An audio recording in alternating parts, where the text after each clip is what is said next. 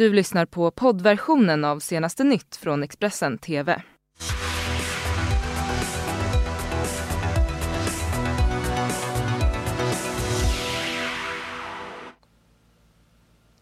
Det här är senaste nytt med mig Lisa Silver och det här är våra rubriker.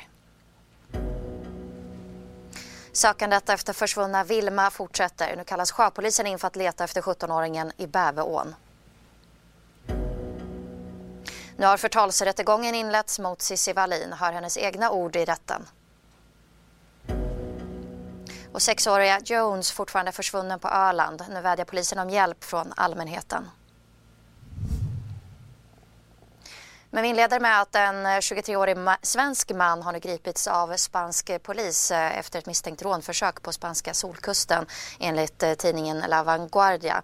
Svensken ska ha hotat personalen vid ett eh, kasino i orten San Pedro Alcantara med en pistolattrapp och försökt tvinga dem till att öppna ett kassaskåp.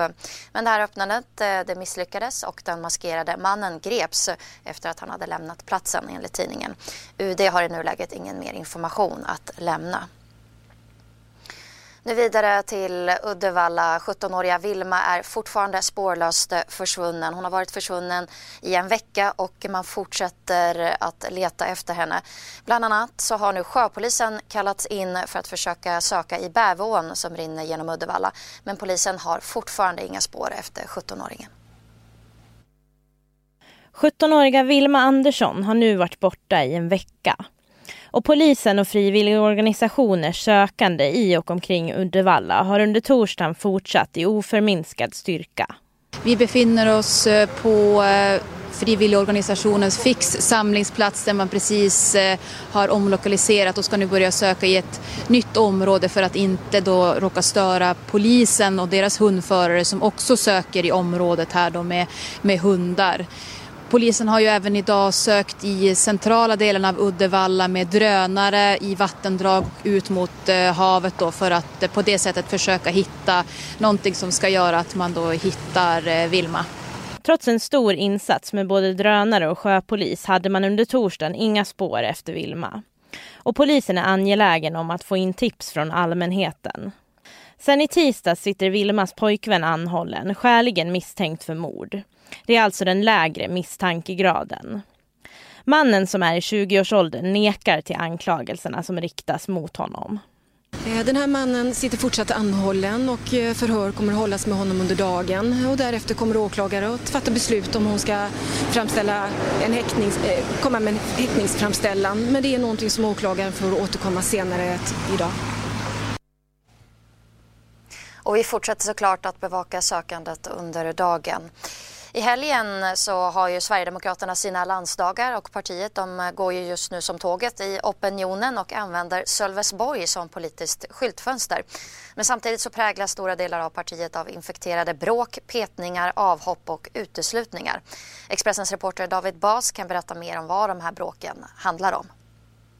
Det är ju ganska många bråk det handlar om så att det är ju såklart att det finns olika som bevekelsegrunder bakom då personerna som anför de här bråken. Men om man ska säga någonting som är gemensamt så är det ju så att det är oftast eh, personer som är väldigt kritiska och den här kritiken riktar sig inte sällan mot ledningen i olika distrikt och kommunföreningar. Man menar att man åsidosätter regler, att man inte beter sig riktigt eh, demokratiskt, att man utmanövrerar folk och att man säger att eh, som man kommer med anklagelser om att eh, hot om uteslutningar eller uteslutningar är ett sätt att göra sig av med folk. Så att det är verkligen sådär internpolitiska bråk som verkar vara väldigt svåra att bli av med i många av de här distrikten. För att vi har ju under bra många år kunnat rapportera om många utav dem. Bara för att ta några exempel så i Stockholms stad och i Stockholms län så har det ju bråkats under väldigt lång tid. Mm. Och hur besvärande är de här interna bråken då för partiet? Ja, jag ställde ju den frågan till Richard Jomshoff som är riksdagsledamot men han är också partisekreterare och i den rollen så har han ju då ansvar för partiorganisationen. Och man har ju också en tjänstemannastab som i stort sett är till för att som, reda ut problem och bråk ute i partiorganisationen. Så att det är ju ändå ett, att man är medveten om att de här problemen finns. Men när jag då frågade Richard Jomshoff om det här så trodde han väl kanske inte att som på det stora hela, som i bredare på riksnivå nivå att det kanske är så många väljare som vänder SD ryggen. Däremot så på lokal nivå så kan det ju vara så att väljare väljer bort Sverigedemokraterna eftersom att det är så stora, djupgående och eh, verkligen så grundläggande problem i partiorganisationerna i distrikten och att man har problem på många ställen att få ihop en fullmäktigegrupp. Vi kan ju bara se hur det ser ut i Stockholms stad där hälften av de invalda ledamöterna, alltså som valdes in för ett år sedan, i dagsläget är politiska vildar. Så Richard Jomshofs eh, analys av det hela det var ju som att det här kan ju vara besvärande på det lokala planet. En stor sökinsats eh, pågår fortfarande efter sexåriga Jones på Öland. Hundratals frivilliga letar efter den här lilla pojken som försvann från sitt hem i Färjestaden igår vid 15-tiden. Försvarsmakten har nu kallats in och polisen vädjar till allmänheten om eh, hjälp och de går också ut med en bild på pojken. Signalementet för Jones lyder att han är 126 centimeter lång, han har kortklippt svart hår som ni ser på fotot och vid eh, försvinnandet så ska han ha burit en grön jacka med kamouflage Eh, mönster, jeans, svart mössa och texten Puma på. Eh, grå vantar och eh, gummistövlar. Har man tips om den här försvunna pojken så ska man höra av sig till polisen på 114 14 eller till 112. Sökandet eh, efter pojken eh, pågick fortfarande vid halv ett-tiden natten till idag och enligt polisen så kommer sökandet eh, efter pojken fortsätta idag med oförminskad styrka. Missing People är också inkopplade. Polisen säger att de misstänker inget brott i nuläget men säger att det är något man såklart tittar på kontinuerligt. Man jobbar också vidare med alla tips man får in. Vi fortsätter såklart att bevaka detta under dagen.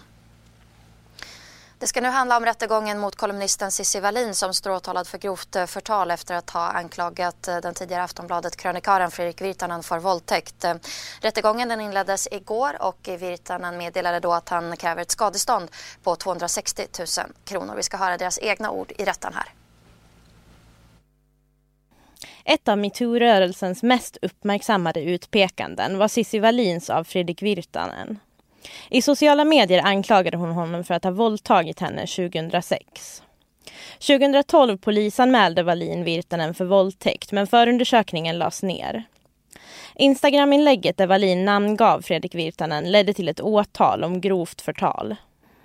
Under den första rättegångsdagen beskrev Virtanen dagen då han fick veta att Wallin namngivit honom på Instagram som en helt vanlig måndag.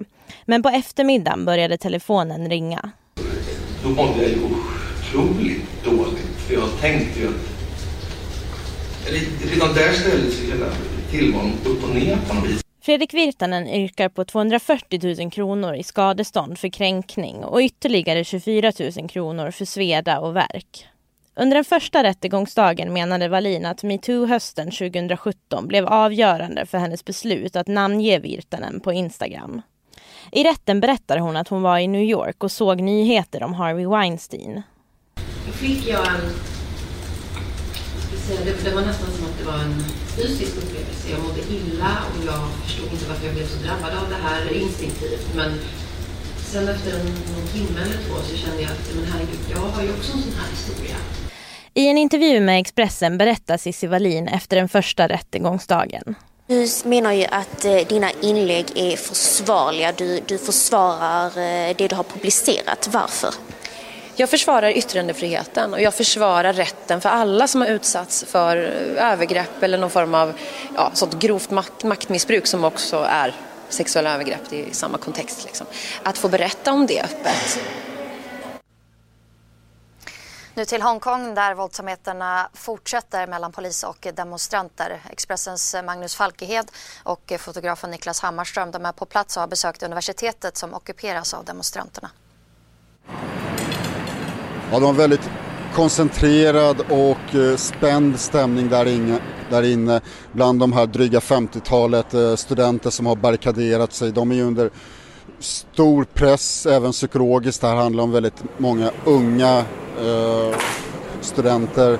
Många av dem var bara 15-16 år gamla men ändå beväpnade med knivar, med pilbågar, med brandbomber, stenar och det, vi såg även eh, exempel på ett hörn fanns det buntband också i händelse av att de skulle ta fångar bland poliserna. Så, eh, stämning var väldigt tryckt och, och samtidigt så är det utmattade studenter som är där inne som även utövar en viss press mot varandra.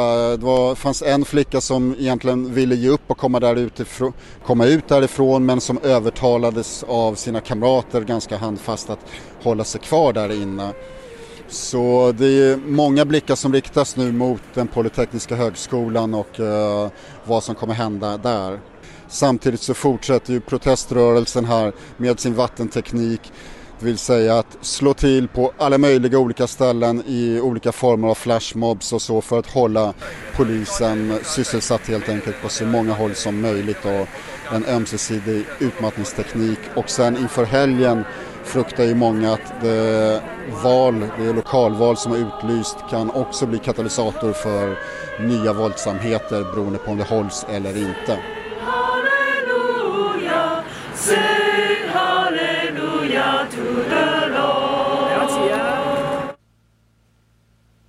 Vi ska nu till USA där veckans eh, förhör eh, när det handlar om riksrättsutredningen eh, mot president Donald Trump de avslutades igår.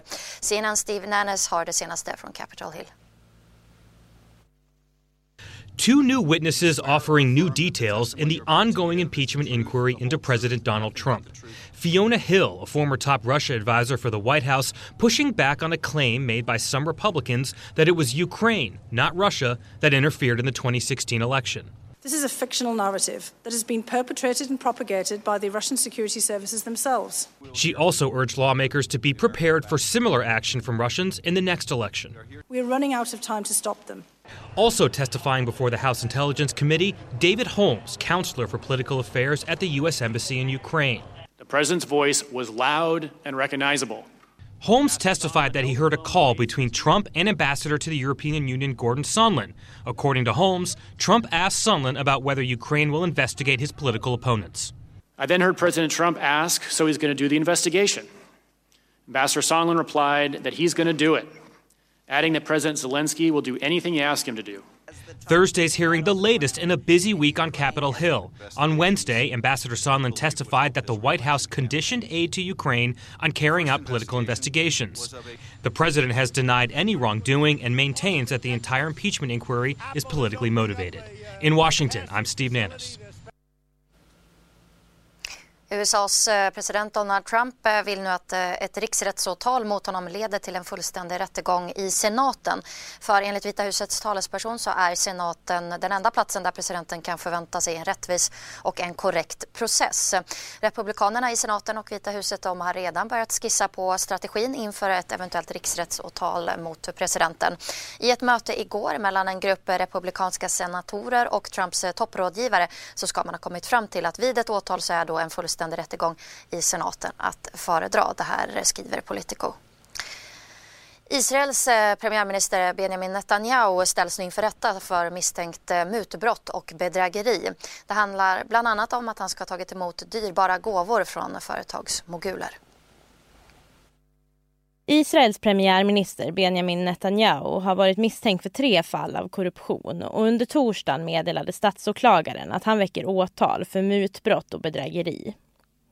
Det här är första gången i landets historia som det väcks åtal mot en sittande premiärminister. Premiärministern misstänks för mutbrott genom att han har tagit emot gåvor för 264 000 dollar från företagsmoguler. I gengäld ska premiärministern ha hjälpt dem att få mer uppmärksamhet i en israelisk tidning och nyhetssajt enligt nyhetsbyrån Reuters. Ja, han förnekar ju allting och säger att det är antingen är missförstånd eller politiskt motiverade åtal eller saker som han har gjort som är okej. Okay, liksom. eh, och att han inte har gjort någonting annorlunda än tidigare premiärminister. Så han eh, bestrider allt detta här. Om premiärministern fälls riskerar han upp till tio års fängelse för mutbrotten och tre års fängelse för bedrägeri och förtroendebrott. I respect the judicial system in Israel. They've got a great reputation. And you have to be blind not to see that something wrong is happening with the investigators from police and from the attorney general. Vi som jobbat med den här sändningen tackar nu för oss. Fler nyheter hittar ni såklart alltid på vår sajt Expressen.se.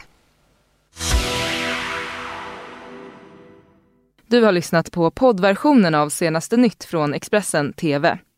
Till förordnad ansvarig utgivare är Klas Granström. Ett poddtips från Podplay.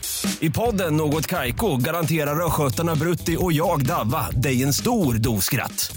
Där följer jag pladask för köttätandet igen. Man är lite som en jävla vampyr. Man har fått lite blodsmak och då måste man ha mer.